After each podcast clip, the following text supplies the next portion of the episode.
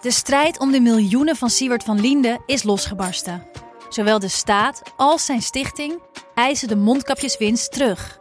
Maar dat die opbrengst in ieder geval niet thuis hoort bij Van Linde, daarover kan toch eigenlijk geen twijfel bestaan. Hoe kon het zo ver komen? Dit is het. We hebben beet. En als Siewert het geld teruggeeft, kunnen wij dit schandaal dan eindelijk loslaten? Je hoort het in de Mondkapjesmiljonairs, exclusief bij Podimo. Ga naar podimo.nl/slash mondkapjes. Je rijdt dus door een oorlogsgebied op een, op een vellig, terwijl het keihard regent en overal pikdonker wordt. Nee, we durven niet te stoppen. En je- eh, ja, eh, Joep is nooit bang. Joep Vermans, de kamerman, die was nu ook echt bang. Via podimo.nl slash gonzo luister je de eerste 30 dagen gratis naar Podimo. podimo.nl slash gonzo. The Netherlands is an old friend, an honored ally of the United States. Dit is Betrouwbare Bronnen met Jaap Jansen.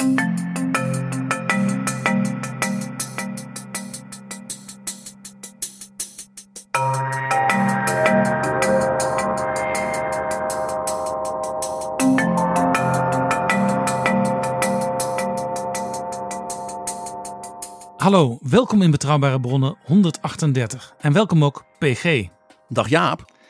Op 3 november zijn er presidentsverkiezingen in Amerika. En in een normaal jaar zijn honderdduizenden Nederlanders wel een keer in die Verenigde Staten. In verkiezingsjaren gaan veel van ons ook om iets mee te krijgen van het politieke spektakel dat die presidentsverkiezingen elke keer weer opleveren.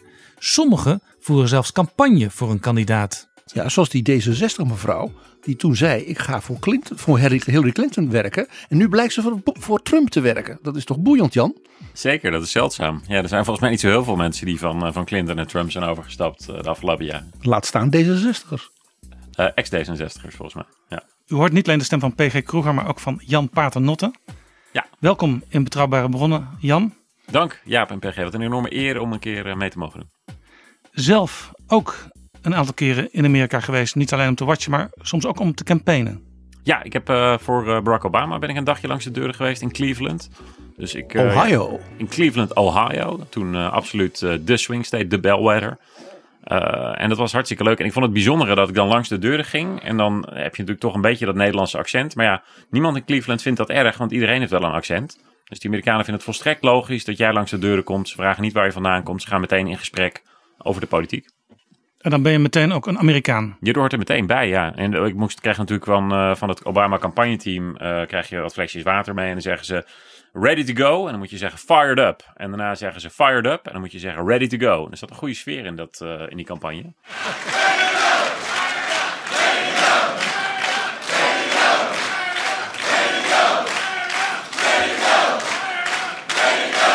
Wonnen ze Ohio? Ja, ze hebben Ohio gewonnen. Zeker. Kijk. Twee keer zelfs. En daarna, eh eh, Ohio had een enorme swing naar Trump. Dus Dit jaar kan dat eigenlijk niet, hè? Campaignen vanuit Europa in Amerika. nee.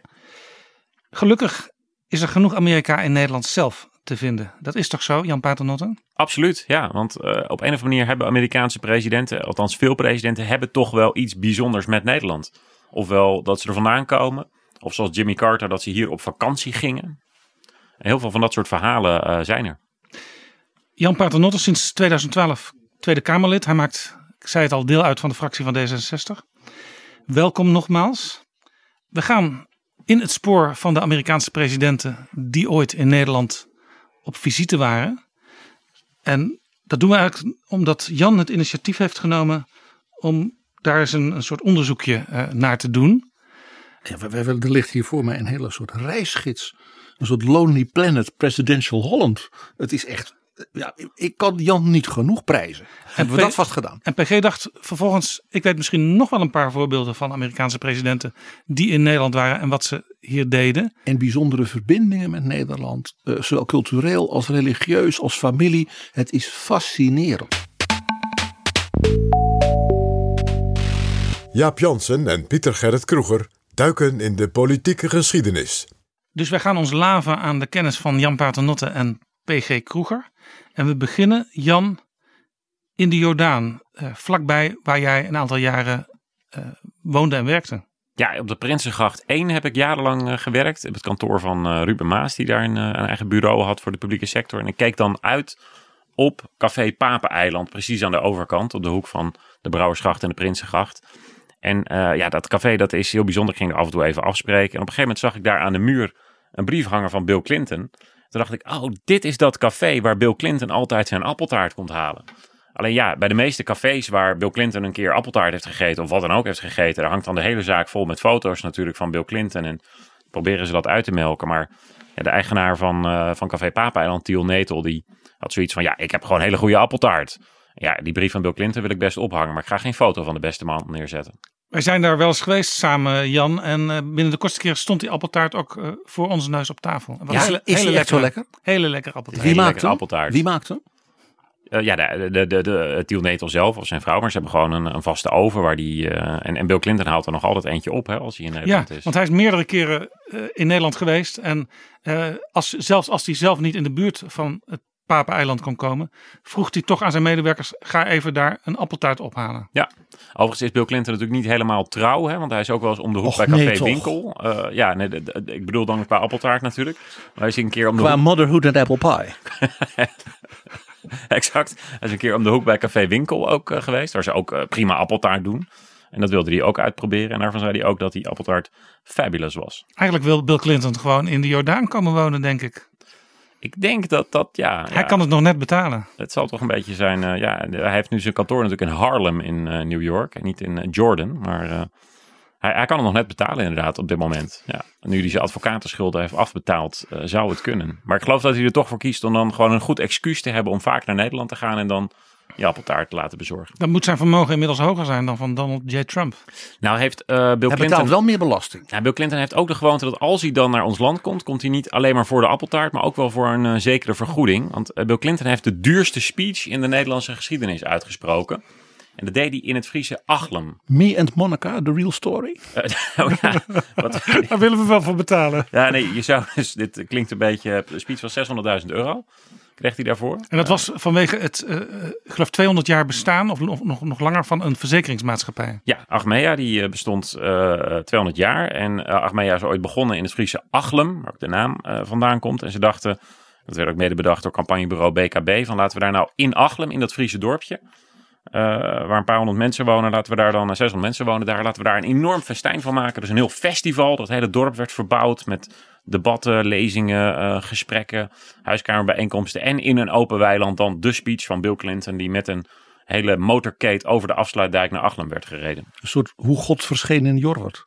Ja, ja hoe, hoe Bill verscheen in Achlem. En ehm, Waar ging die speech over? Bill vertrok ook weer snel uit Jorwert, zoals God ook uit Jorwert eh, vertrok. Waar die speech over ging, die ging over alles. Die ging over de Neandertalers, over de Hubble-telescoop.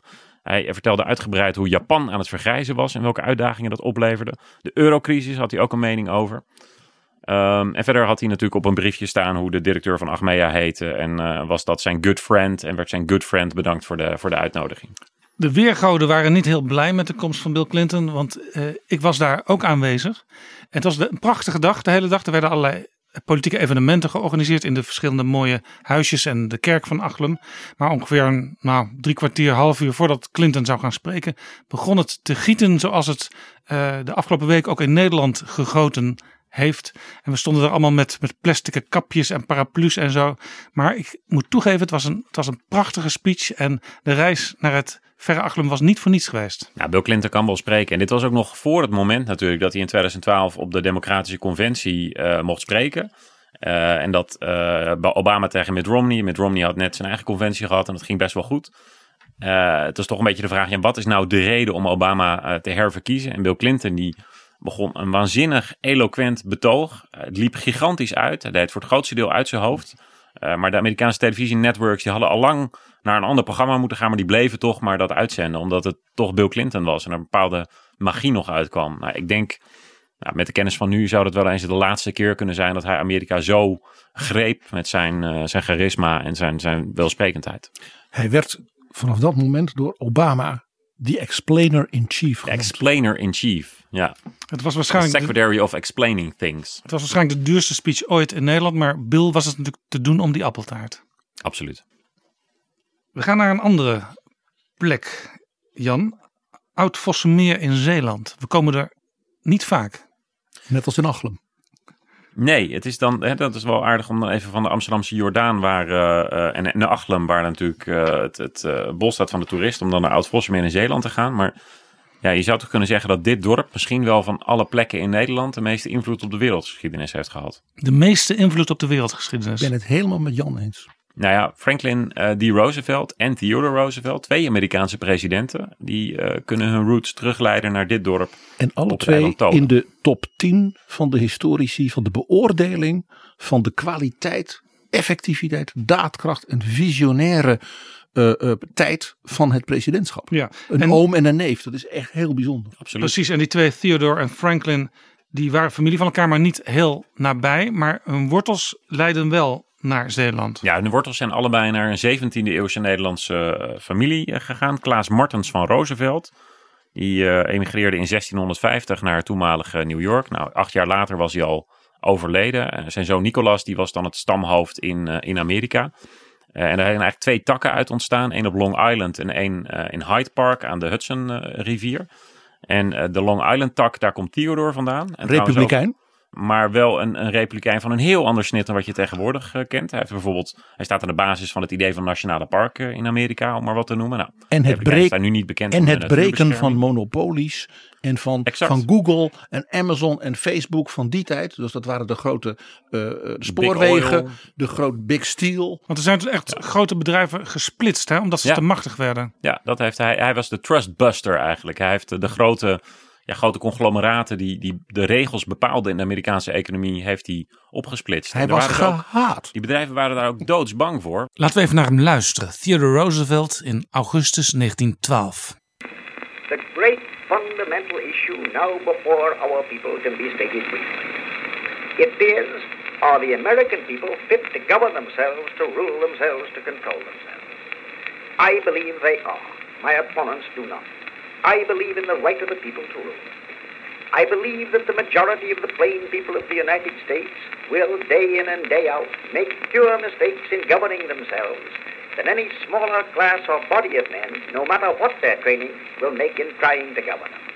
I believe again that the American people are as a whole capable of self-control and of learning by their mistakes.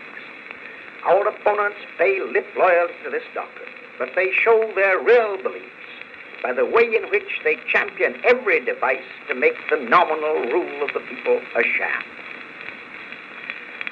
I am not leading this fight as a matter of aesthetic pleasure. I am leading because somebody must lead, or else the fight would not be made at all. Hij is president geworden eigenlijk bij toeval. Of in ieder geval, het was niet de bedoeling. De Republikeinen hadden namelijk William McKinley, wat gewoon een keurige aristocraat was, de vertegenwoordiger van die elite. Die was de president. Maar ja, die had wel een populaire vicepresidentskandidaat nodig. En deze, ja, eh, Theodore Roosevelt was kolonel geweest, had een belangrijke rol gespeeld in de Spaans-Amerikaanse oorlog. En gouverneur van New 1898. York. Dus de van stemmen New York. van New York, was toen de staat met de meeste kiesmannen, die kwamen vanzelf binnen. Ja, die hadden ze nodig. Dus daarom werd Theodore op dat, eh, op dat stembiljet gezet. Van ja, je bent vicepresident, dat maakt niet uit. Maar ja, toen zei er wel iemand van... maar deze maloot zit straks wel één hartslag verwijderd van het presidentschap. En toen William McKinley vermoord werd... eh, overigens ook in de staat New York in Buffalo door een eh, anarchist... Bij een wereldtentoonstelling. bij een wereldtentoonstelling. Eh, volgens mij Leonid Cholskos heette, die, heette deze meneer. Ja, en eh, nou, toen was Theodore Roosevelt plotseling president. Nou, daar heeft hij ook goed gebruik van gemaakt. Zijn Theodore... Mag ik één, één leuk detail over president William McKinley vertellen? Hij heeft de eerste Nederlandse premier ontvangen op het Witte Huis, namelijk Abraham Kuyper. Dit was een wat- wereldreiziger en trok dus ook door heel Amerika. Welk jaar Pre- spreken wij nu? Ja, Eh, nou ja, dus tussen 1897 en 1901. Dus dit is ook wel een hoogtepunt in de christendemocratische geschiedenis natuurlijk. Oh nee, er komt nog veel meer. Er komt nog veel meer, ja, zeker. Zijn, Ja, eh, de hoop Scheffer op het Witte Huis die wordt benoemd tot chef van de NATO.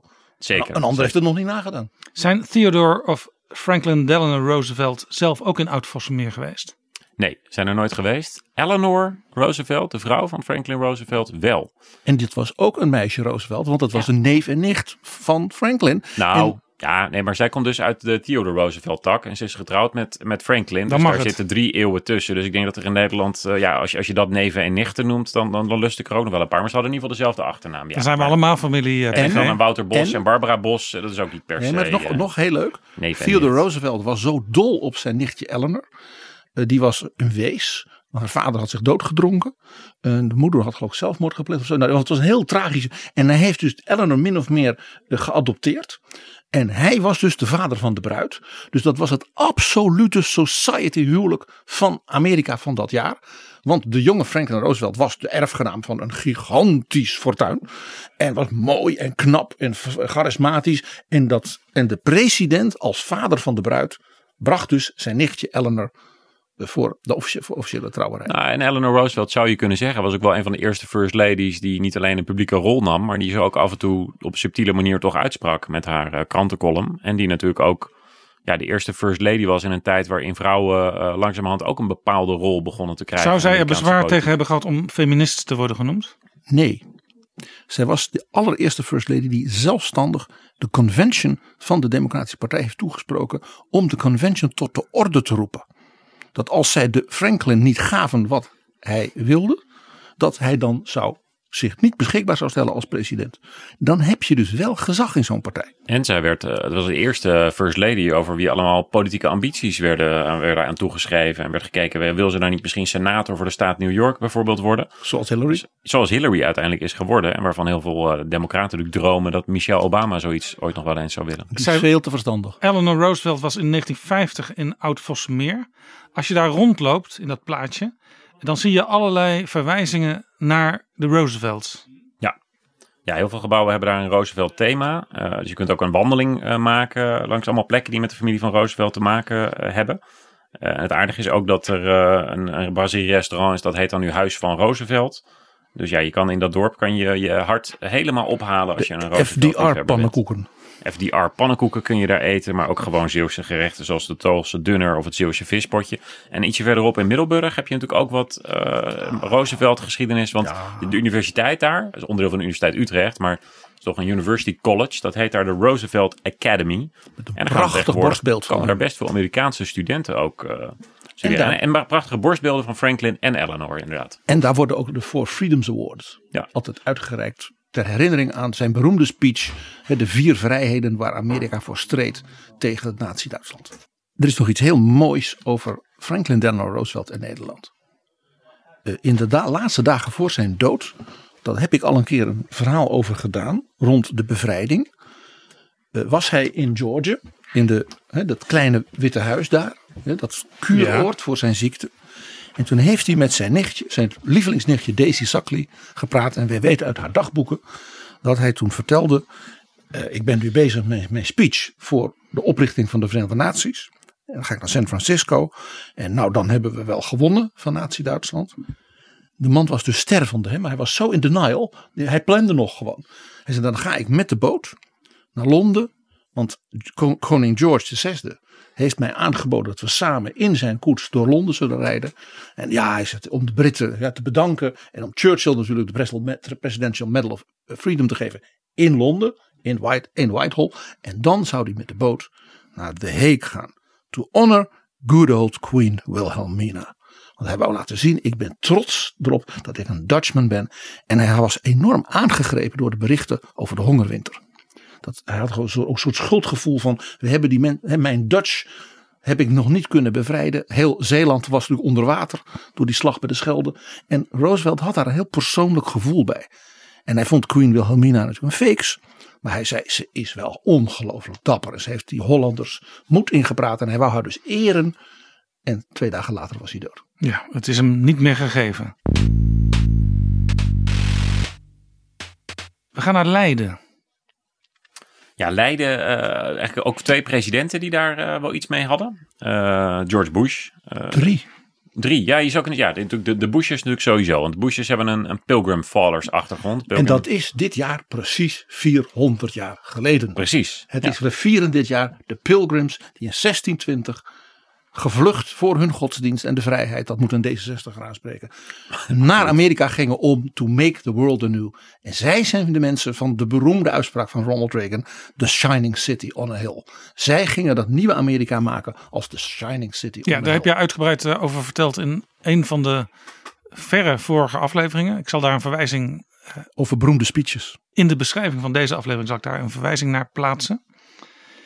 Dus Leiden is eh, belangrijke pilgrimplek. Ja, Elke Amerikaan die eh, die geschiedenis kent, die weet ook van de stad Leiden. Ja, precies. Daarom is Leiden is daar een, een begrip. Eh, en de, er is een American Pilgrim Museum eh, in Leiden. Je hebt daar de Mayflower Bookshop. Dat is een van de beste Amerikaanse boekhandels eh, van Nederland. Ja, Mayflower was ook de naam van het schip Juist. waarmee 400 jaar geleden, ruim 400 jaar geleden, De Mayflower. En dat is nog steeds, eh, dat als de Amerikanen hebben over, eh, ja, ben je nou een Amerikaan van het allereerste uur? Er Zijn jouw, jouw afstammelingen in 1620 van die boot gestapt? Dan zeiden ze, they came right off the Mayflower. Nou, dan weet je wel ieder je weet niet, niet, dan ben je geen, dan word je in Amerika niet meer gezien als immigrant. Want eh, als je Noors-Amerikaans bent, Pools-Amerikaans, Iers-Amerikaans, Latino, maakt niet uit, dan ben je later gekomen dan de Mayflower mensen. De, Dat is het idee. pilgrim, de pilgrims, dat zijn de, de originals. En het bijzondere is dat, want eh, PG zegt net twee presidenten, maar de, de, eh, de moeder van president Obama, die stamt af van de familie Blossom. En dat was ook een Leidse pilgrimfamilie. Dus ja, waar de Bushes dan misschien full pilgrim waren, was Obama half pilgrim. Er is ooit een verhaal geweest van, ja, Obama, dat komt toch eigenlijk van de Friese naam Obama. Een beetje een vage, nou geen complottheorie, maar gewoon een, een, een meer een lolligheidstheorie uit Friesland. Maar dat is dus wel echt Maar Melania gelooft dat. en Melania gelooft dat ongetwijfeld, PG weet dat. Maar en, er is dus wel degelijk een, een Leidse link vanuit Obama ook. En Donald Trump denkt nog steeds dat Obama uit Kenia komt. Dat is waar inderdaad, ja. Maar ja, Nou die denkt ook dat Kenia een Nederlandse kolonie was. Dat zou inderdaad goed kunnen. Nee, maar er zijn, nog, er zijn dus nog twee presidenten. Want één daarvan had zo'n ontzettend ruzie met zijn school in Amsterdam. John Quincy Adams. eh, dat de vader, John Adams. Die in Amsterdam wa- was als, eh, ik zal maar zeggen, eh, ambassadeur van de, de, het nieuwe Amerika. Tegen de rector van het Atheneum zei. Ja, mijn zoon heeft gelijk. Hij wordt niet uitgedaagd. Hij is 15 en u vertelt hem allemaal dingen die hij al lang weet. Die, die met 12 of 13 op school in Boston had. Toen is die directeur, typisch een Nederlandse eh, onderwijsbobo, zo ontzettend beledigd geweest. Toen heeft hij die jongen van de school getrapt. En toen heeft dus John Adams is naar de Universiteit Leiden gegaan. En heeft gezegd, nou ja, hij heeft zoveel dan. Hebben ze hem een toelatingsexamen laten doen. En ze zei, ja hoor.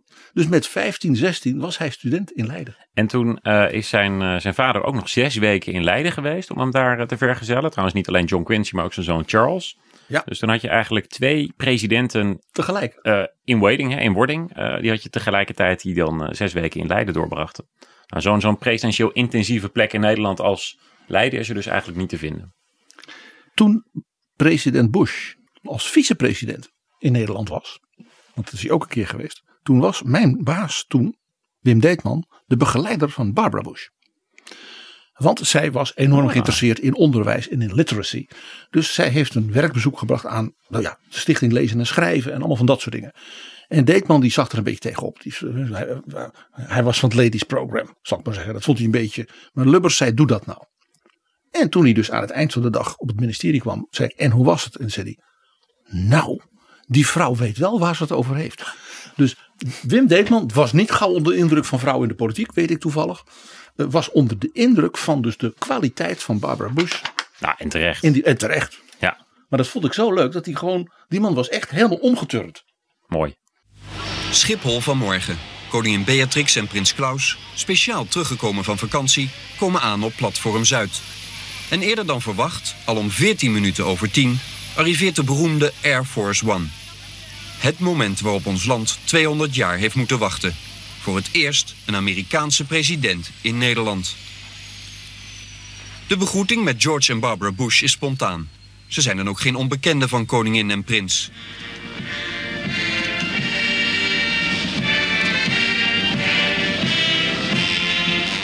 Met de even tevoren overgevlogen en gepantserde limousine vertrekt de president naar Den Haag.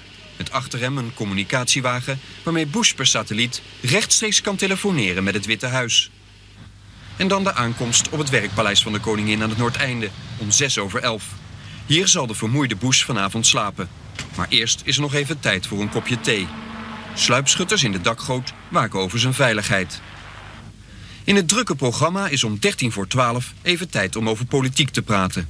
In de Treffenzaal aan het Binnenhof hebben Bush en Lubbers... samen met onder andere minister Baker en Van der Broek van Buitenlandse Zaken... slechts 50 minuten de tijd om te praten over internationale thema's... als de wereldeconomie en het milieu.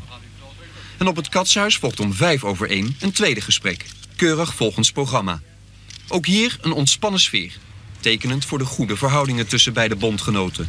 Vredesvraagstukken en de situatie in Oost-Europa zijn tijdens deze tweede ontmoeting de belangrijkste onderwerpen. Om tien voor half vier komt de lange stoet in Leiden aan. En hier eindelijk veel publiek. Bush bezoekt de sleutelstad omdat zijn voorvaderen, de Pilgrims, in 1620 hier vandaan naar Noord-Amerika vertrokken. In de Pieterskerk houdt de Amerikaanse president een indrukwekkende toespraak. De snelle terugtocht van Leiden naar Den Haag, zoals de veiligheidsagenten die gepland hebben, gaat niet door. De kogelvrije limousine loopt vast in het enthousiaste Leidse publiek. En Bush beloont de Leidenaren en zoekt ze op. Typerend voor de ongedwongen en gezellige sfeer van het bezoek.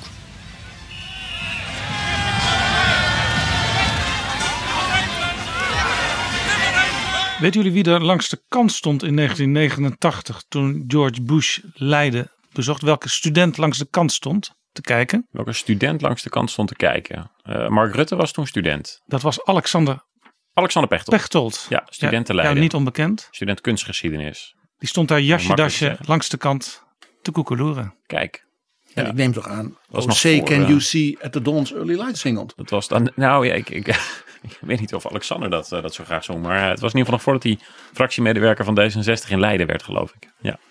En daar begon de ellende. Hè? Maar Rutte was toen ook student in Leiden. En, en van Ja. JOVD-voorzitter. Maar eh, De Verhaag is ook heel zijn halve leven student in Leiden republikeins geweest. Misschien Ja. moeten we nog een keer met dit soort gasten, met al deze gasten, een eh, aparte aflevering over het bezoek van Bush maken. The Netherlands is an old friend, an honored ally of the United States. de kleine Bush is ook in Nederland geweest. Eh, dat was eh, weliswaar wat, wat korter dan, eh, dan grote Bush. Maar dat was eh, ook als president in 2005 toen hij ehm, in Margraten was bij de 60ste herdenking van het einde van de Tweede Ja, Wereldoorlog. Margaret is natuurlijk altijd de plek waar elk jaar een herdenking plaatsvindt van eh, de bevrijding uit de grote wereldbrand van eh, 1939, 1945. Eh, dit was een bijzonder eh, moment, wat werd 2005 60 jaar vrijheid herdacht. Ja. En eh, George W. Bush die koos voor Margraten. Ja, ik koos voor Margraten. Er wordt wel gefluisterd dat het mede te maken heeft met het feit dat Nederland toch zich redelijk trouw had opgesteld in de, de War on Terror eh, tot dan toe. Als een bondgenoot die zelfs zijn eh, ja, op dat moment al wat minder populaire inval in Irak had ondersteund. Ja, zo werkt dat dus ook in de grote politiek. Hè? Je steunt op een bepaalde manier zo'n inval. Eh, dit, deze keer niet militair, wel politiek. En dan krijg je er soms iets voor terug. En dat dan krijg je soms ervoor zijn. terug dat eh, de Amerikaanse president Bush 17 uur lang op Nederlandse bodem verblijft. En inderdaad een speech in Margraten eh, komt houden. Ehm, en daar, eh, en wel, dat ik, ja, ik denk dat PG gaat nu vertellen dat Jaap Doop Scheffer, eh, de secretaris-generaal van de NAVO, werd, dat dat er ook iets mee te maken heeft. Ik denk dat dat klopt. Maar eh, PG gaat nu ongetwijfeld ook vertellen dat eh, Bush toen in Château Saint-Gerlach heeft eh, geslapen in Limburg. Dat is op zich, als je nog eens wil slapen op een plek waar de president sliep, daar kun je voor zo'n 200 euro overnachten. En hij heeft daar het woord hongerwinter in correct Nederlands uitgesproken. Wat voor heel veel mensen ook bewees dat George W. Bush, die zich natuurlijk heel vaak versprak, dat hij toch ook wel af en toe dingen goed kon uitspreken. Ja, misschien was het gewoon, waren zijn Nederlandse wortels gewoon ook de, de taal die hij eigenlijk altijd zou moeten spreken. Ja, dat is natuurlijk inderdaad waarschijnlijk zijn Nederlandse wortels. Het feit dat hij ooit in Nederland zijn voorouders hadden gewoond, dat dat dan toch ergens in dat DNA blijft hangen. Hè? Ja. Nou, ik denk gewoon dat hij heeft gedaan wat elke fatsoenlijke pol- politicus als professional doet. Hij heeft die speech gewoon echt goed geoefend. Ja, of zoals onze Kennedy- koning kan daar wat van leren. Zoals Kennedy het natuurlijk fonetisch voor je opschrijven. Hè? We weten dat hij zei, ik ben een Berliner, maar dat daar niet in het Duits eh, stond, maar dat het fonetisch in het Engels stond uitgeschreven, zodat hij het goed kon uitspreken. Lassen Sie nach Berlin komen. Ik heb dat gezien, het origineel, in de National Archives in Washington. Ik ook. Prachtig. Ja, nog. Ja. Prachtig. In, in Margraten liggen 8302 Amerikaanse militairen, gesneuvelde militairen. En er was iets heel bijzonders. Vanwege de bevrijding had toenmalig premier Jan-Peter Balkenende tegen de president gezegd: laten wij een gesprek organiseren met jongeren. Nederlandse jongeren. En die zullen ook best kritisch zijn, eh, maar dat vinden wij belangrijk voor de toekomst. Bush zei, dat vind ik geweldig. Dat deed ik als gouverneur van Texas ook altijd.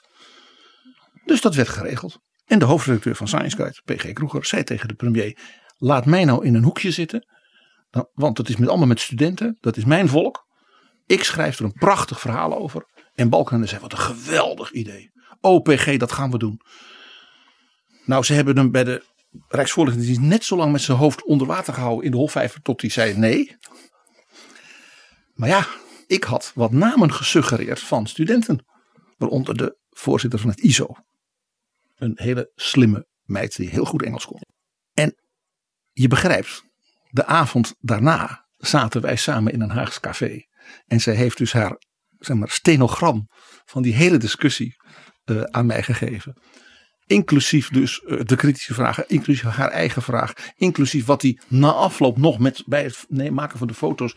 Want George W. Bush was een buitengewoon leuke, open, hartelijke man. Eh, en ook helemaal niet bang voor kritische vragen. En nou ja, met Balkenende was de interactie ook he- heel erg leuk. Eh, en ik heb dus to- toen dus de volgende dag dat artikel gepubliceerd tot intense woede van de Rijksvoorlichtingsdienst. Ik heb er nog altijd geen minuut spijt van. George W. was daar 17 uur, maar hij sliep er wel. In Château Gerlach. Chateau Sint-Gerlach.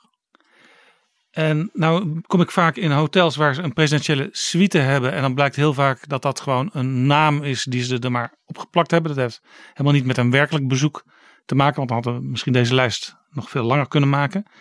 Maar je kunt dus in Château Gerlach, neem ik aan, in de presidentiële suite boeken. Nee, nee, dat, eh, dat, dat, dat is wel aardig. Hè? Als je dan even, je pakt Café Papeneiland. Die zeggen, ja leuk dat Bill Clinton hier zijn appeltaart haalt. Maar we gaan niet plotseling Café Bill Clinton worden. Chateau Sint-Gerlach ook zegt, ja we gaan niet nu een kamer de presidentiële suite noemen. Omdat er toevallig een keer een Amerikaanse Eigenlijk heel president deftig. heeft geslapen. Zo hoort het. Ja, nee, heel goed. En ook, ook gewoon een beetje, eh, ja, die Amerikaanse presidenten moeten zich niet te veel in het hoofd halen. Bovendien denk ik dat binnenkort er een andere suite komt in Château Sint-Gerlach. Ja, de Camille Eurling suite. Nee, de Oh. Angela Merkel suite. De Angela Merkel suite. Want het Château Sint-Gerlach is een heel belangrijke plek in de geschiedenis van het CDA. Daar wordt op initiatief van inderdaad Camille Eurlings, Jens Spaan en Peter Altmaier elk jaar de topconferentie tussen de toppen van de CDU en het CDA. En is Angela Merkel daar zelf ook bij geweest? Die is daar zeker geweest. En ze had toen, de laatste keer dat ze er was, had ze een gast bij zich. Dat was president Peter Poroshenko van Oekraïne. Want die is ook een christendemocraat. Ja. En dat was om de heer Buma een beetje te plagen met zijn opstelling bij het Oekraïne-referendum. En meer onthullingen op dat punt komen binnenkort in mijn boek. Ja, voor de volledigheid. De Tweede Kamerfractie die, eh, die, die, die nam een afstandelijke houding in. Terwijl de Eerste Kamerfractie voluit voor het verdrag met Oekraïne was. Het was nog veel gekker. Zowel de Tweede als de Eerste Kamerfractie hebben voor het verdrag gestemd. Toen er vervolgens een referendum werd gehouden. Toen ging de Tweede Kamerfractie om. En de Eerste Kamerfractie viel uit elkaar. Een twee derde van de Eerste Kamerfractie van het CDA hebben toen toch Mark Rutte en zijn geitenpaadje gesteund. Onder wie senator Wopke Hoekstra. Dit is Betrouwbare Bronnen, een podcast met betrouwbare bronnen. We hadden het al over John Adams en zijn zoon John Quincy Adams. Ja, het bijzondere is wel dat eh, John Adams, eh, die, die kwam als eerste in Nederland als gezant van eh, toenmalig de, de, de afgescheiden koloniën. Maar dat was nog voordat ze helemaal hadden besloten wat voor land het eigenlijk zou worden. Met een president of een koning. Dus dat was een rebellenleider. Ja, precies. Hij was een vertegenwoordiger van de rebellen. En Nederland was natuurlijk een van de allereerste landen, eigenlijk het allereerste land zelfs, dat de, de dertien koloniën die ze hadden afgescheiden erkende als onafhankelijke staat. En dat eh, kwam goed uit, want John Adams die had namelijk goed de Europese geschiedenis bekeken. En die zag eigenlijk in de opstand onder leiding van Willem van Oranje tegen de Spanjaarden, zag daar een model in. Niet voor niets was Nederland toen de republiek.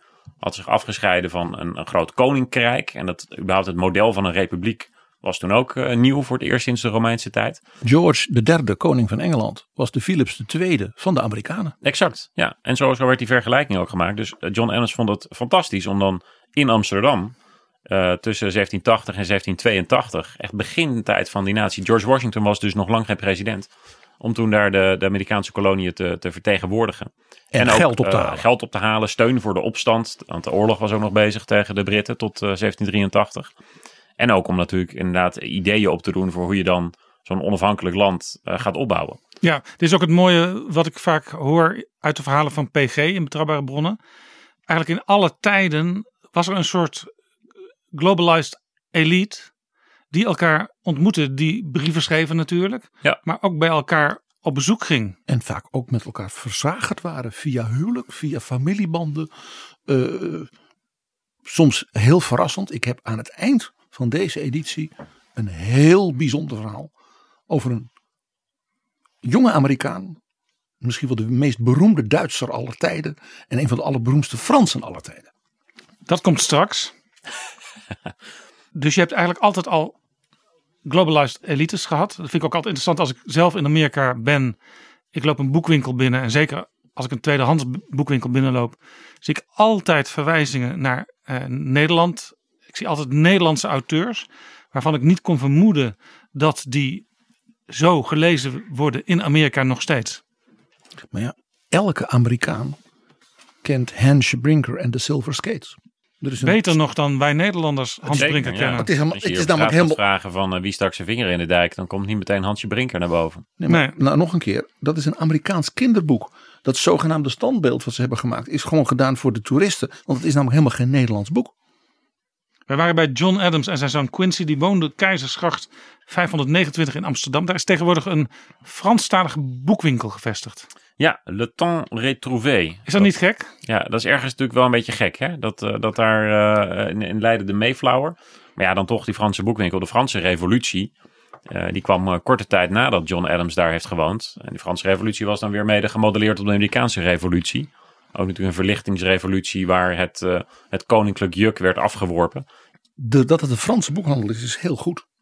John Adams woonde namelijk een tijd in Parijs. Bij Benjamin Franklin. Tuurlijk, ja. En in die periode kwam dus ook Thomas Jefferson, de derde president van Amerika, die zou dus ooit Adams opvolgen, kwam ook naar Parijs. En daar is de bijzondere levenslange vriendschap ontstaan tussen Abigail Adams, dus de moeder van John Quincy, en Thomas Jefferson. En toen dus John Adams en Thomas Jefferson, nou ja, gebrouilleerd raakten, politiek, toen is het Abigail geweest die door haar, met haar brieven naar Thomas Jefferson uiteindelijk voor de verzoening heeft gezorgd van die twee mannen. Ja. Over en, Thomas- moet- en hier moeten we natuurlijk wel even bij noemen dat John Adams en Thomas Jefferson op exact dezelfde dag uiteindelijk zijn overleden. 50 jaar. Niet, niet wetend dat het op exact. dezelfde dag als 50 jaar exact, na de onafhankelijkheidsdag. En ja, dat is een feit wat iedere, iedere liefhebber natuurlijk moet kennen. Ja, nog even John Adams. Hij schreef over de Nederlanders. Het land waar ik vertoef is het eigenaardigste ter wereld. Ja, nee, dat is natuurlijk wel aardig hè, dat hij op basis van zijn, eh, zijn eigen onderzoek tot de conclusie komt. Wat een inspirerend land. Ik moet weten eh, hoe zij dat hebben gedaan met die opstand tegen de Spanjaarden. En dan woont hij hier en dan vindt hij ons eigenlijk maar een eigenaardig volkje. Ja, Kanaar, uiteindelijk- kano, kanaille, zei Voltaire al. Uiteindelijk is het natuurlijk wel zo dat wie vindt Nederlanders nou niet eigenaardig in de wereld? Wij. Ja, wij zelf, omdat we er natuurlijk aan gewend zijn. Maar we zijn Nee, wij natuurlijk vinden onszelf de norm. eigenaardig. En, be- en belemmerde die gedachte hem in het overnemen van eh, politieke ideeën? Absoluut niet. Nee, dat was natuurlijk aardig. Hij eh, stond helemaal open voor die politieke ideeën. Maar het interessante is wel dat Nederland eh, op dat moment nog een behoorlijk gedecentraliseerd bestuur had. Het eerste moment dat wij heel centraal werden aangestuurd, is natuurlijk door de Spanjaarden, of door de Fransen moet ik natuurlijk zeggen, opgelegd. Met eh, een één bedboek van strafrecht, met de Ja, provincies. zoals nu, we nu altijd nog- over de Fransen nog steeds zeggen. Dat is een zeer centraal vanuit Parijs geregeerd land. Precies, en toen waren we natuurlijk nog, nog net de republiek, de zeven provinciën. Eh, en uiteindelijk, Thomas Jefferson was de man van eh, het federalisme. Die wilde dat de staten in Amerika de macht hadden. En toen Thomas Jefferson het overnam van John Adams, het eerste wat hij deed was de helft van alle ambtenaren ontslaan. Washington wordt meteen werd het een, een desolate stad. Want ja, hij vond dat, al dat, dat allemaal ambtenaren zich gingen bezighouden met het bestuur van dat land flauwekul. Eh, dat moeten die staten zelf maar doen. We hebben alleen een soort van klein secretariaat daar helemaal aan top van dat land.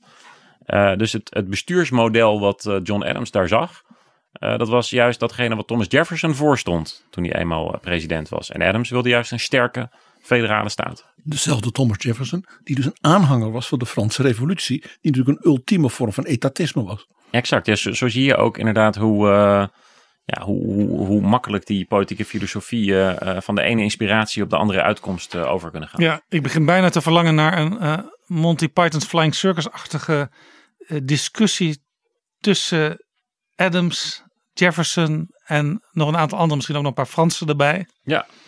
Nou, ja, die, dat zou mooi die, zijn. discussie ja. werd gevoerd, onder andere in kranten in Amerika, die in het geheim door Thomas Jefferson werden opgericht om John Adams te bestrijden. Die kochten journalisten om. Maar daarvoor. het was uiteindelijk wel zo dat ze na hun pre- beide presidentschappen hadden ze een uitgebreide briefwisseling, die ook dus twee decennia nog doorging. Tot ongeveer vlak voordat ze allebei om het leven eh, kwamen. En daar zie je wel een bepaalde beschaafdheid en respect voor elkaar in. Het is natuurlijk zeer de vraag of Donald Trump en eh, Joe Biden ooit nog eens zo'n soort briefwisseling zullen gaan opzetten. Waar het niet wegneemt dat de verkiezingscampagne van 1800, dus de zittende president Adams met zijn tegenkandidaat Thomas Jefferson, de allersmerigste verkiezingscampagne in de Amerikaanse geschiedenis was. En misschien dit keer wordt ingehaald, maar nou, ik weet niet. Klein voorbeeld van die smerigheid. Eh, dus dat men elkaars kranten zat om te kopen. Eh, de smerige geruchten. eh, er werd onder andere rondgestrooid. Echt fake news-achtig. Dat John Adams zich tot koning wilde laten kronen. En meer van dat soort dingen. Over Thomas Jefferson gesproken, die is ook in Nederland geweest. Eh, maar hij kwam in Nederland om paviljoen Welgelegen te schetsen. En dat is interessant, want paviljoen Welgelegen, daar is betrouwbare bronnen 16 opgenomen. Oh, kijk. Want ik ben op bezoek geweest toen bij de toenmalige commissaris des Konings. Er is natuurlijk wel een, een alles, alles van waarde in deze wereld. Dat heeft een link met of betrouwbare bronnen, of Jaap Jansen, of PG Kroeger, of alle drie. Zo zie je maar dat alles met alles samenhangt in Alles hangt met deze alles wereld. samen. Ja, nou, het- het wordt nog leuker. Welgelegen was het paleis van koning Lodewijk Napoleon van Holland. Want dat was het soort ik ben konijn van Holland. Cotin, Duel en Sinidom. Die was, dat was een, een, ja, wij zouden nu zeggen een soort Rem Koolhaas-achtig modern gebouw. En- en het- waar hij als Fransman dacht, ja, dat is het soort stijl wat ik wel een beetje gewend ben. Die vond dat Den Haag, dat hebben we het wel eens over gehad, een dump, een dorp van niks. Hij wou dus ook het hele binnenhof afbreken en vervangen door een prachtig klassicistisch paleis. Ach, Gelukkig heeft hij dat niet gedaan. Maar het aardige is wel dat Welgelegen dan weer vervolgens eh, ook model heeft gestaan voor Monticello. Het landgoed van Thomas Jefferson zelf. Dat is wat althans model gestaan is overdreven. Maar het is in ieder geval dezelfde, dezelfde stijl opgebouwd. En dat Ja, maar Thomas Jefferson er was een, aan. was een multitalent. Hij was ook architect bijvoorbeeld. Hij was architect. Hij was eh, alles. Hij was alles. eh, Vriend van Alexander van Humboldt. Eh, schrijver. eh, ja, nee, Thomas Jefferson was alles. Filosoof. Ik eh, vergelijk Jan Terlouw wel eens met, met Thomas Jefferson. Als je bij Jan Terlouw thuis komt, dan, dan staat daar die sterrenkijker. De man heeft natuurlijk kinderboeken geschreven. Volwassenenboeken, dat heeft hij allemaal gedaan. midden in de nacht als hij thuis kwam van zijn Haagse politieke avonturen. Is natuurkundige, dus ja, dat, hij is eigenlijk de Thomas Jefferson van de Nederlandse politiek. Nou ja, hij heeft ook, had ook alle tijd. Want Inmiddels al wat ouder dan Jefferson ooit is geworden. Ja, ja. Ten had natuurlijk ook alle tijd ervoor. Want de enige ene keer dat hij dan vicepremier was, was het kabinet dan een half jaar gevallen. Onder leiding van Stelletje CDA knoeiers. Dries van Acht. Ja, Ja, daar was hij heel blij mee, Dries van Acht, zoals je weet. zeker. Ja, die eh, heeft eh, wel eens eh, Ja, Jefferson, even, even. Monticello. Op een prachtig heuvel, even buiten het stadje Charlottesville in Virginia. Ga daarheen. Prachtig Wat ze, daar, wat ze daarvan hebben gemaakt. Ze hebben bijvoorbeeld zijn tuinen. Hij was een enorme botanist. Zijn tuinen zijn helemaal hersteld. Conform zijn aantekeningen. Dus waar de sla was, waar dat soort bloemetjes. En de, van alle, alle zeg maar, bedjes van die tuinen is de geschiedenis daar te koop. Je kunt ook zaadjes kopen van dus de lievelingsbloemen van Jefferson. En dat zijn dus de bloemen hè, die, die altijd zijn geweest. Was, was alles uit die tijd nog te kweken? Ja. En soms zijn er dingen echt gemuteerd en veranderd.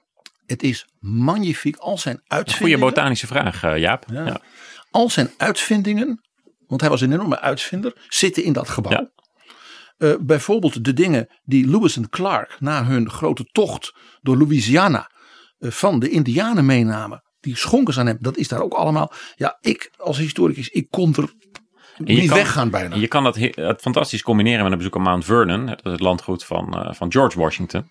Ook vlakbij, vlakbij Washington, wat er nu ook als een nationaal park is ingericht. En het interessante is, daar is ook het door Jefferson zelf ontworpen grafmonument. Daar is hij ook begraven. En het interessante is wat hij daar opgeschreven heeft over zichzelf. Dat is een tekst van hemzelf.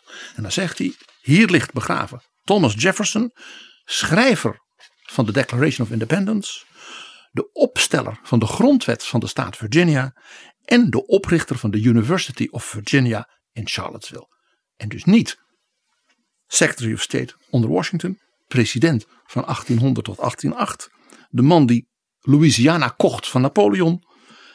Hij staat ook niet dat hij, dat staat ook niet zijn hele leven failliet is geweest en dat hij een slavenhouder was.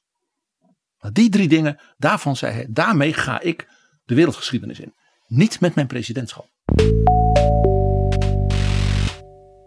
We zien kerken, we zien velden waar gesneuvelden liggen.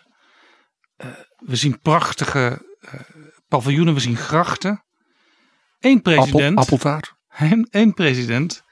Die ging op fietsvakantie. En waar ging hij naartoe? Naar Zandvoort. Ja, ja dat is toch mooi hè? Dat je, je bent, Jimmy Carter. Je bent Jimmy Carter. Je hebt een, een wat matig presidentschap gehad. Hij heeft natuurlijk wel een uitstekend ex-presidentschap gehad. Want Jimmy Carter heeft geweldig werk voor de wereldvrede verricht sindsdien. Gaat op vakantie. En hij uh, denkt ik ga naar Zandvoort en ik ga fietsen. Want ja, op zich was het wel zo van als je gaat fietsen in de wereld, ja, dan moet je naar Nederland. Dus als je echt dat wil. Ja, Pindabura, Georgia, die in Zandvoort komt fietsen, is natuurlijk sowieso een zeldzaamheid. Maar dan ook nog de enige president die ooit op vakantie ging in Nederland. Was Zandvoort de plek die door zijn fietsvriend Dries van Acht was aangeraden? Ja, dat zou het dan moeten zijn. Aan de andere kant zou je natuurlijk zeggen dat Dries van Acht zegt: nee, ga nou fietsen waar wat heuvels zijn. En doe het Ga nou naar niet, Château eh, Sint-Gerlach. verder van, eh, van, van, ja, precies. Ga dan niet verder van de Heilige Landstichting eh, bij Nijmegen, waar, waar Dries van Acht woonde, vandaan Zandvoort. Dus dat kan ik me niet voorstellen. Nee. Dus ik denk dat hij toch op, eh, waarschijnlijk heeft hij toch gewoon de Lonely Planet Europa eh, gepakt. En werd er gezegd dat vlakbij Amsterdam er een, een beach is. Als je dan echt naar een beach wil. En dacht hij, oh, ik moet naar de beach. En dat werd Zandvoort. En de maar hij is Hollandse- vanuit Zandvoort door de duinen is hij dan ook heel helemaal naar Den Haag eh, en terug gefietst. De Hollandse zeelucht heeft er misschien wel aan bijgedragen dat hij inmiddels de langst levende oud-president van de Verenigde Staten is. Langstlevende oud-president van de Verenigde Staten. Langstlevende ex-president. En, en daarmee... eh, En ja, het langste huwelijk van een Amerikaanse president in de geschiedenis. Want Rosalind en Jimmy zijn George en Bar Bush voorbij. Kijk, en, dat, en dat, ja, dat, dat is lastig om ze daarmee nog in te halen. Donald Trump gaat dat in ieder geval niet doen. En Bill Clinton ook niet. Inderdaad. Maar die, eh, het, het- ja, het is toch bijzonder. Zo'n fietsvakantie. Is de enige president die op vakantie ging naar Nederland. Is meteen de langstlevende. Is het toeval? Kan niet missen. Kan We, niet missen. we kijken eventjes in Buurmalsen. Wijs dat even aan op de kaart, Jan. Ja, we gaan eventjes nu naar de Betuwe. eh, de West-Betuwe. En dan zou je denken van ja, de West-Betuwe. Ik kom zelf uit de Bommelerwaard, daar niet al te ver vandaan. Maar is dat nou de meest logische plek om de roots van een Amerikaanse president te zoeken? Die ook Nou, nog ja, Nederlands dus. sprak in zijn jeugd. De enige president die in het Nederlands werd opgevoed, want die is namelijk geweest, Martin van Buren. Hij is natuurlijk lang niet zo bekend als de Roosevelt. Zijn stempel op de geschiedenis is ook een heel stuk kleiner. Maar toch, eh, ja, ik denk dat hij vanuit Nederlands perspectief een streepje voor heeft. Want hij is opgegroeid in Kinderhook, New York. Zijn bijnaam was ook Old Kinderhook. Nederlands was zijn eerste taal. Engels leerde hij pas op school. En dat terwijl zijn bedovergrootvader Cornelis van Maas eh, vanuit Buurmalsen emigreerde naar eh, New York, toenmalig in Nieuw-Amsterdam. En dat was eh, bijna 200 jaar voordat hij president werd. Dus dat geeft, het zegt ook iets over hoe slecht Nederlanders geïntegreerd waren in Amerika. Ja, maar het zegt ook iets. Je vindt het nog een beetje terug als je bijvoorbeeld in Holland, Michigan komt. Dat emigranten heel lang kunnen vasthouden aan hun wortels. En dat vaak ook wel tot conservatisme leidt. Waar de, de mensen om hen heen, die niet uit een bepaalde la- land of streek komen, eh, al veel progressiever zijn in hun daden dat, dat, is, en doen. dat is fascinerend. Er is een interessant boek van, eh, van Frans Verhagen, The American Way. Dat gaat over de verschillende immigratiegolven in Amerika. Ieren, Polen, Italianen en Nederlanders. En hij laat eigenlijk zien dat de Nederlanders het langste vasthouden aan hun eigen taal en hun eigen cultuur. En dat dat dus een hele conservatieve gemeenschap was. Dat was ook de gemeenschap waar Piet Hoekstra, de huidige ambassadeur in Nederland, in terecht kwam in Holland, Michigan. Toen hij weliswaar geboren in Groningen, maar op zijn tweede verhuisd naar Amerika. Hele conservatieve gemeenschap, gebouwd rondom de Nederlandse hervormde kerk. Ehm, dus ja, dat dat betreft een antithese voor wat wij nu hier in Nederland als een soort liberale gidsland in de wereld eh, hebben. Maar daar is ook dus eh, Martin van Buren in eh, opgegroeid. Weliswaar dan in de New Yorkse gemeenschap.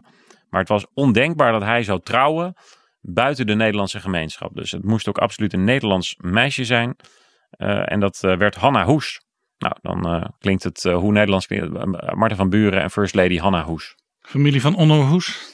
Ja, dat zou ongetwijfeld familie van Onno en Isa eh, op een of andere manier zijn. Eh, maar dat is dan weer een ander verhaal. Martin van Buren heeft één termijn als president gediend. Welke periode was dat? 1837 tot 1841. En heeft- heeft het daarna heel wat keren nog geprobeerd. Voor verschillende partijen. En in die tijd had hij een hele jonge fan in de staat Illinois. die voor hem campagne voerde. En dat was Abraham Lincoln. Ja, met dat proberen voor verschillende partijen is hij ook wel een beetje de Henk Krol van de Amerikaanse politiek uh, geworden na zijn presidentschap. Maar toch is hij uh, wel vereeuwigd in een interessante film over die tijd. Uh, namelijk Amistad van Steven Spielberg. Ja. En dat is een film die gaat over een groep slaven die in, de, in 1838 voor de Amerikaanse kust aan het varen waren. En die hebben toen hun, de meesters op dat schip overmeesterd. En die slaven waren daarmee dus vrij. Alleen die Spaanse eigenaren van het schip die wisten de slaven wel zover te krijgen dat ze toch een beetje rond bleven dobberen en niet terug naar Afrika konden. En ze werden uiteindelijk ingerekend door de Amerikaanse marine. De slavenhandel was toen al verboden, maar slavernij, slavenbezit op zich niet. Dus de discussie ging toen over de vraag: komen deze slaven uit Cuba? Ja, want dan moeten ze terug naar Cuba, dan zijn ze van rechtmatige Spaanse eigenaren. Of komen ze uit Afrika? En die slaven moesten dat maar zien te bewijzen, terwijl ze natuurlijk geen Engels spraken. En ja, als, als zwarte Amerikanen daarvoor rechter stonden, die zelf ook slaven-eigenaren waren.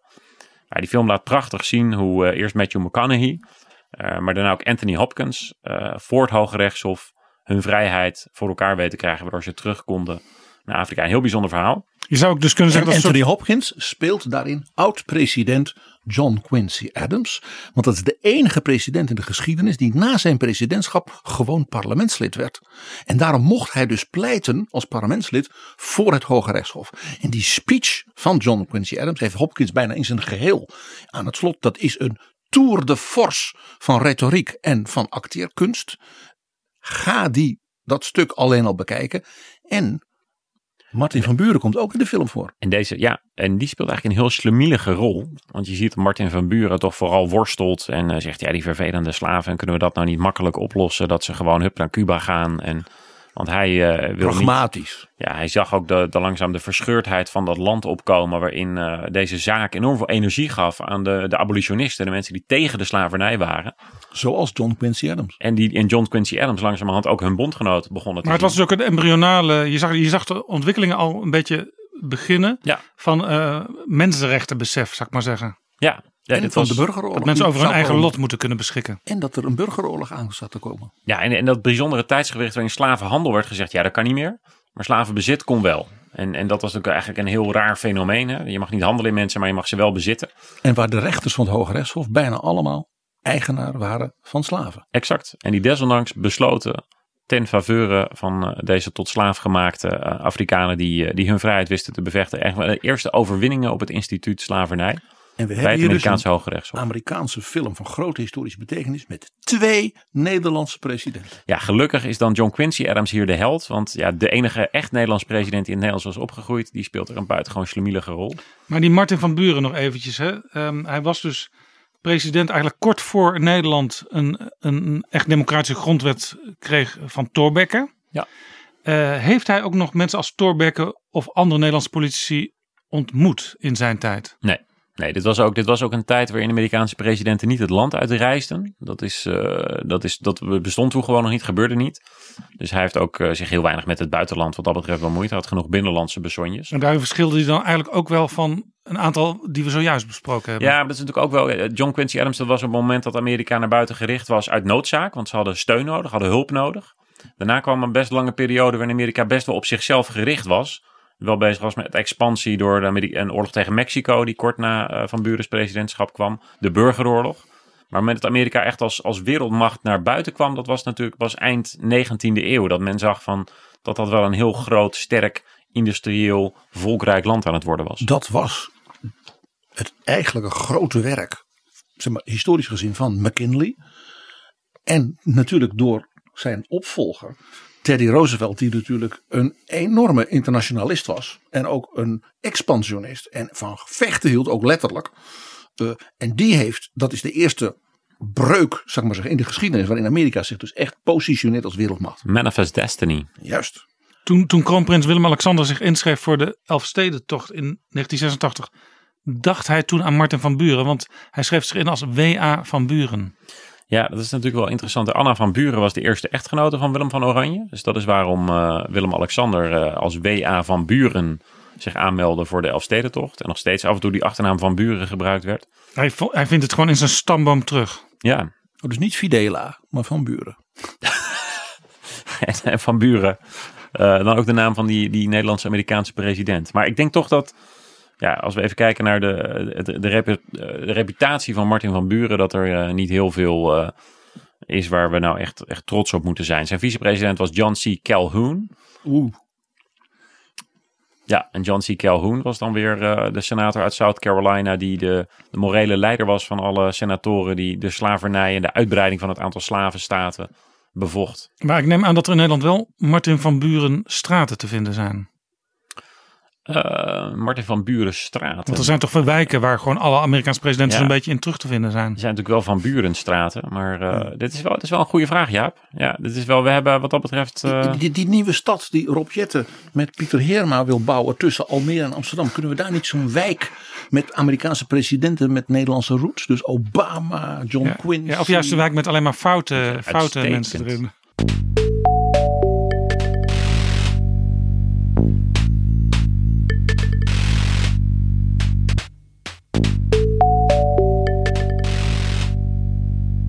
Jan, we hadden het al eerder over de wording van de Amerikaanse natie zoals wij die nu kennen. En dat Nederland het eerste land was wat erkenning bracht. En we moeten daarvoor ook eventjes naar een eiland in de Cariben gaan. ja, naar Sint Eustatius. Statia. 3000 mensen wonen daar, 3000 Nederlanders. Want het is nu een eh, openbaar lichaam van Nederland, een bijzondere gemeente. De rots. Statia the Rock. Nederland heeft zijn eigen vulkaan, Saba. En we hebben ook nog de Rock. Ja, en op Saba is dan het hoogste punt van het land inmiddels. Hè? eh, Mount Scenery. Maar we hebben daarnaast eh, vlakbij eh, The Rock. Eh, en dat is een heel bijzondere plek. Want op 16 november 1776 vaarde daar een Amerikaans schip de haven binnen. En werd begroet met saluutschoten. Saluutschoten die werden afgevuurd eh, normaal gesproken alleen maar voor een onafhankelijke bevriende natie. En door die saluutschoten erkende Nederland dus de Verenigde Staten. Afgescheiden van, eh, van eh, Groot-Brittannië. Was dat bewust op dat moment? Dat was eh, heel bewust. Ja, het was uiteindelijk ook wel een Diplomatiek reden. gebaar. Het was een diplomatiek gebaar. Het was ook wel de reden dat de Britten kort daarna weer de oorlog verklaarden aan Nederland. En onze vloot compleet in de pan werd gehakt. Dus ik weet niet of we er destijds spijt van hebben gehad. Maar nu komt het natuurlijk wel heel goed uit. Nu Amerika gewoon een groot en machtig eh, land is. En we graag bevriend zijn. Ook zeggen dat wij de eerste echte vriend van de Amerikanen waren. Dus dat is ook de reden dat in de Tweede Kamer heel veel mensen, maar onder meer Alexander Pechtold, hebben bepleit dat op 16 november 2026, 250 jaar na dit moment, dat Amerikaanse president daar op wederom de haven in zou moeten varen en die saluutschoten in ontvangst zou mogen nemen. En Alexander Pechtold weet dit omdat hij minister is geweest van onze, ik mag niet zeggen onze, maar van onze voormalige overzees. Hij was minister voor koninkrijksrelaties, absoluut. Ja, dus daarom kwam hij eh, regelmatig op de eilanden en daar hoorde hij dit, eh, dit verhaal. Ik vind dit echt een briljant idee. Daarbij komt nog iets. Van de beroemde Amerikaanse historica Barbara Tuchman is het boek The First Salute. En dat gaat helemaal over dit gebeuren. Hoe werden nou die rebellen, als daar geaccepteerd elders in de wereld, bij de andere zeg maar, grootmachten. En Nederland was dus door zijn koloniale rijk natuurlijk een grootmacht, een maritieme grootmacht.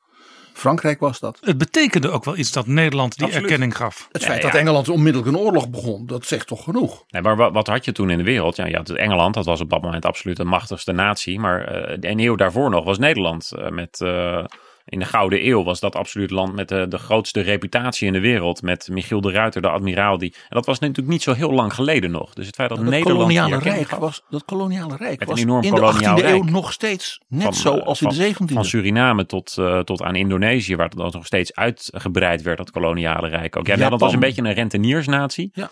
Maar natuurlijk wel een renteniersnatie met een enorme reputatie. Dus als je dan mocht kiezen, eh, wil je erkenning vanuit Nederland of van een Pruisische staat of vanuit Oostenrijk? Nou, dan was Nederland natuurlijk wel de keuze geweest. Dus de Amerikanen waren hier heel blij mee. Kregen ook hulp met de levering van wapens. Ja, Nederland en Frankrijk natuurlijk, hè, die hebben ook generaals geleverd. Eh, generaal Pulaski is natuurlijk een prachtig voorbeeld. Eh, die hebben natuurlijk wel bijgedragen aan het feit dat de Amerikanen echt onafhankelijk konden worden. Ik heb een suggestie voor dit prachtige idee van Alexander Pechtold. Eigenlijk zou de Nederlandse regering nu al ter voorbereiding bijvoorbeeld Jimmy Carter, Bill en Hillary Clinton, George en Laura Bush, de Obama's moeten uitnodigen van komt u nou allemaal dan? En dan zien we wel of in 2026. Ja, het duurt nog even. Of we president Kamala Harris hebben. Of, wat natuurlijk veel logischer is, president George Prescott Bush. Want ja, je weet, de zoon van Jeb Bush, George Prescott, is nu de, wat is het? De, de Hij is nu de chef van iets belangrijks. Agriculture uh, Land Commissioner is hij Ja, geloof ik van in Texas. Ja, van Texas. En heeft ambitie en is een Latino. Ja. Hij is toch die. Hij zou dus de eerste Latino Is hij president die, van Amerika zijn. Is hij een van de weinigen uit de familie die toch nog onlangs op een Trump-bijeenkomst gesproken heeft? Zeker. Nee, dit is ook de reden dat eh, eh, vader George W. Bush, die natuurlijk een enorme afkeer van Donald Trump heeft. Donald Trump is de anti-Bush eigenlijk. Maar dat eh, desondanks hij zich nooit heeft uitgesproken van ik ga op Joe Biden stemmen. Dat is allemaal vanwege het belang van eh, George Prescott Bush. De protégé van de familie, de erfopvolger, de zoon van Jeb Bush. Ja, omdat hij nog ambities heeft. Eh, de vrouwen in de familie Bush, die weten zich natuurlijk vanaf haar wolk, gesteund door Barbara, dat die allemaal openlijk zeggen dat ze natuurlijk absoluut niet, nooit op Donald Trump zullen stemmen. En als dat allemaal gaat plaatsvinden hè, in 2026 met, met al die dan nog levende oud-presidenten erbij. En dan kunnen we dus ook president Biden, die dan na één termijn heeft gehad, ook nog even, eh, die is dan 82 hè? Ja, 82 is Biden. Nou, dat Ja. moet lukken. Die prikken dan natuurlijk ook een vorkje, want de banketbakker, bakker, want de banketbakker van Papa-eiland is ook overgevlogen om daar zijn appeltaarten te bakken. Absoluut. Ja. En Ik, ik, denk denk, zelfs dat de directeur van eh, Achmea dan overvliegt om zijn good friend Bill Clinton daar te ontmoeten. en de, de, het ontbijt wordt gedaan door de staf van Château Sint-Gerlach. En misschien dat er ook wat Tolse dunner wordt geserveerd eh, op die dag. In het begin van dit gesprek, Jan Paternotte, werd al een aantal keer Theodore Roosevelt genoemd. Hij is ook in Nederland geweest, hè, drie dagen. Ja, en eh, het bijzondere was, hij was een president die dus op een hoogtepunt eh, stopte. En dat is altijd een goed idee, want dan kun je de hele wereld over en overal baden in, in, in de roem die hij had vergaard. Want hij had als eerste president echt een stempel op de rest van de wereld gedrukt. Bijvoorbeeld door de vrede tussen Japan en Rusland in 1905. Uit Waarvoor hij de. Nobelprijs voor de vrede gekregen. Als eerste. als eerste eh, Amerikaanse president inderdaad. Dus daarmee heeft hij het op zich een interessante basis gelegd. En wat hij dus deed was overal naartoe naar Afrika, waar hij lekker kon jagen, hield hij van. Eh, zich laten ontvangen door koningen, door sultans. Nou, natuurlijk moest hij ook naar Nederland. Dus hij kwam in Nederland aan eh, met de trein bij Roosendaal. Werd daarna met de auto naar Paleis het Loo gereden. En daar heeft hij dan gegeten met koningin Wilhelmina en eh, haar man, prins Gemaal, eh, prins Hendrik. En de eenjarige prinses Juliana, die kroop daar ook eh, rond. En dat was maar goed ook, want Juliana was ongeveer het enige hoogtepunt van dit bezoek. Roosevelt kon Wilhelmina niet uitstaan. Hij kon er niet tegen hoe Wilhelmina haar, haar echtgenoot, de wat dikke, pafferige prins Hendrik, daar ja, aan het rondcommanderen was. Als, als echte macho man kon hij dat niet hebben. Hij heeft later ook nog in zijn dagboek vernietigende teksten geschreven over zowel eh, koningin Wilhelmina. Hij vond haar er niet uitzien. Waardeloze gesprekspartner. Hij zei zelfs, ze is, ze is zo gewoontjes. Ze is, eh, ja, dat heeft niks met koningschap te maken. Dus het lijkt wel helemaal goed gekomen met zijn bezoek. Want hij ging daarna naar Amsterdam. Eh, in Paradiso hield hij een speech. En dat was In de kerk. ja, toen nog de kerk inderdaad. En dat was, dat was ja, daar, daar kwam iedereen wilde daarbij zijn. Toe, toe Amsterdam en toe Nederland wilde meemaken hoe de president daar sprak. En als iemand kon speechen in die tijd, dan was het ook wel Teddy Roosevelt. Dat zat in de familie. Hè? Dat zat in de familie. Dus absoluut. wij, wij zijn denk ik alle drie wel eh, meerdere keren in Paradiso geweest. Wij zijn dus in de voetstappen van Theodore Roosevelt. Ik ben geweest. nog nooit in Paradiso geweest. Dat meen je niet, PG. Nee. Ik ben een opera-liefhebber. Wat moet ik daar? Maar er zijn ook discussies daar Er zijn discussies en, en politieke daar, bijeenkomsten. uh, PvdA-verkiezingsavonden. Nou, daar, daar, daar word ik uitgenodigd. Uh, ja, ik, ik, trouwens ook niet, uh, realiseer ik me nu. Uh, even nog over Juliana en Roosevelt. Juliana vereerde natuurlijk het lievelingsnichtje van Theodore Roosevelt, Eleanor Roosevelt. Dat was haar grote rolmodel ja. voor de invulling van haar koningschap. Zij wou net als Eleanor Roosevelt een soort sociaal werker der natie zijn. Uh, we kunnen nog uren hierover doorpraten. Ivanka op bezoek bij Maxima. De Nuclear Summit waar Obama kwam hè, naar Nederland. Jan, kom je nog een keer terug? Ja, nee, we gaan gewoon, we gaan gewoon door inderdaad. Want deze reisgids die, uh, die is nog lang niet compleet. Nee, jij kan daar echt veel geld aan verdienen. Bij Lonely Planet. Maar Jaap, ik, heb, ik had het al aangekondigd. Ik heb nog iets heel bijzonders.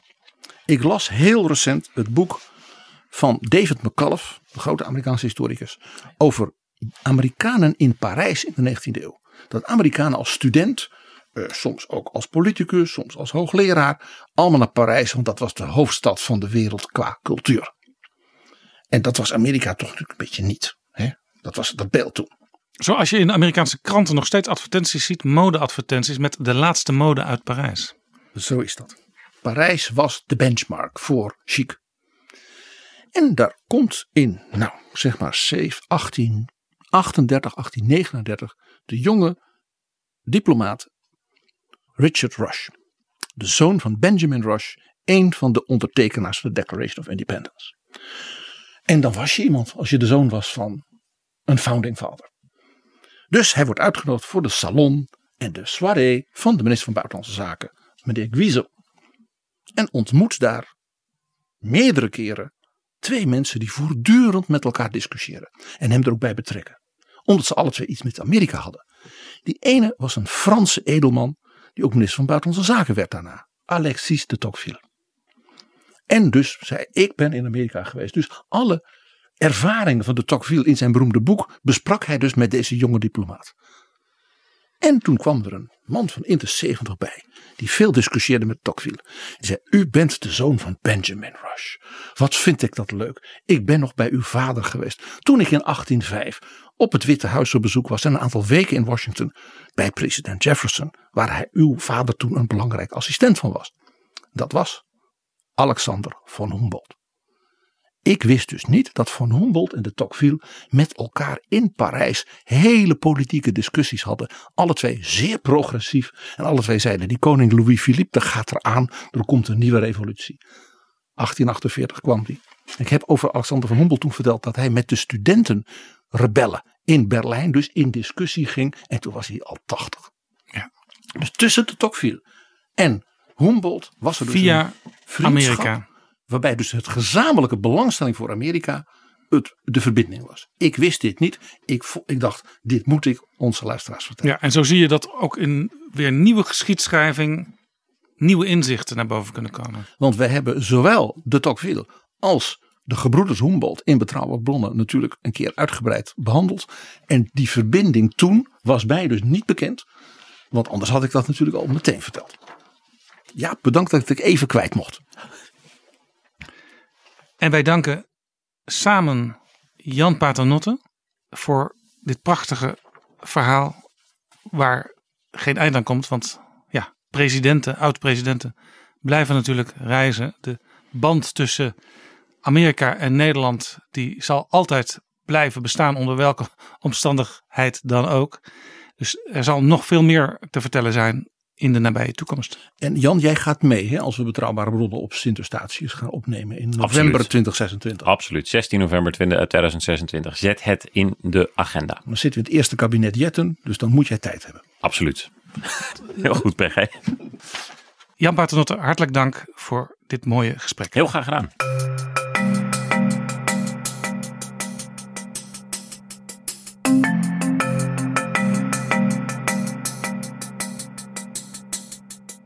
Zo, dit was Betrouwbare Bronnen aflevering 138. Deze aflevering is mede mogelijk gemaakt door We Nederland. En natuurlijk door donaties van luisteraars via de site vriendvandeshow.nl slash bb. En op die site vind je ook per aflevering een beschrijving van de show en links naar boeken, artikelen, video's en eerdere afleveringen van Betrouwbare Bronnen waarover in de nieuwe aflevering gesproken is. vriendvandeshow.nl slash bb. De volgende aflevering verschijnt iets eerder dan gebruikelijk. Niet op vrijdagochtend, maar al op donderdagmiddag. En die gaat over de toekomst van de Nederlandse defensie. Tot dan, tot volgende keer. Betrouwbare bronnen wordt gemaakt door Jaap Jansen in samenwerking met dag en nacht.nl.